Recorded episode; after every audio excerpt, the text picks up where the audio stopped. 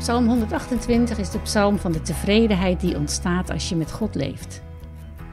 Het gaat over de zegen die God geeft in je relaties, doordat als je geeft, bloei en vermenigvuldiging komt. je hebt uh, de vruchtbare wijnstok en de olijfscheuten rond je tafel. En van daaruit wordt het beeld breder. Het gaat over de hele stad Jeruzalem, de heilige stad. En dat was niet alleen een politiek, maar ook een religieus centrum. In Jeruzalem stond de tempel.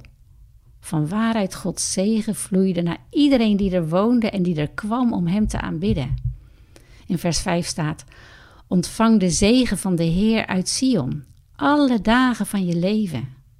Vrede over Israël.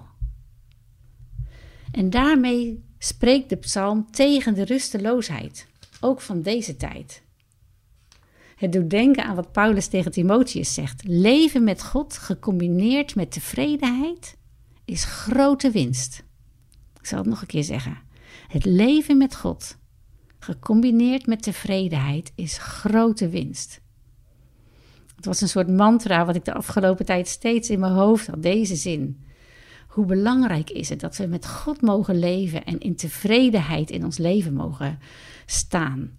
Dat is grote winst. En dat betekent niet dat het leven met God ons uitsluit van problemen, maar dat die problemen in een ander perspectief komen te staan. Als we ons realiseren welke zegen God in onze zielen uitstort. Een grote vijand voor onze tevredenheid en de veroorzaker van veel rusteloosheid, dat zijn onze eigen gedachten. Misschien wel meer nog dan de verschillende crises waar we mee te maken hebben, van energie en vluchtelingen en stikstof en oorlog. Zijn onze gedachten vaak de grootste vijand? Hoe makkelijk word je niet door negatieve gedachten van je tevredenheid beroofd? Ik had een heerlijke vakantie en toen ik weer moest beginnen, werd ik overvallen door gedachten als: ach, wat stelt het toch ook voor wat je doet? Iemand anders kan dat veel beter dan jij. Uh, dat soort negatieve dingen die me onderuit halen. En bij de New Wine conferentie afgelopen zomer sprak Tim Hughes hier ook over.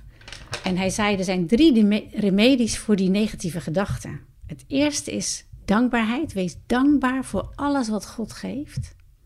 Het tweede is waarheid. Geloof in zijn waarheid over je. Dat je geliefd bent, ook als je faalt in eigen ogen. En vertrouwen. Vertrouw op God. Je staat er niet alleen voor. Hij is de helper naast jou die je nooit laat vallen. Dankbaarheid, waarheid en vertrouwen. En we danken u, Hemelse Vader, dat de vrede voor Israël, die shalom, dat u die aan mij en aan alle luisteraars ook vandaag wil geven. We prijzen uw grote, grote naam. am.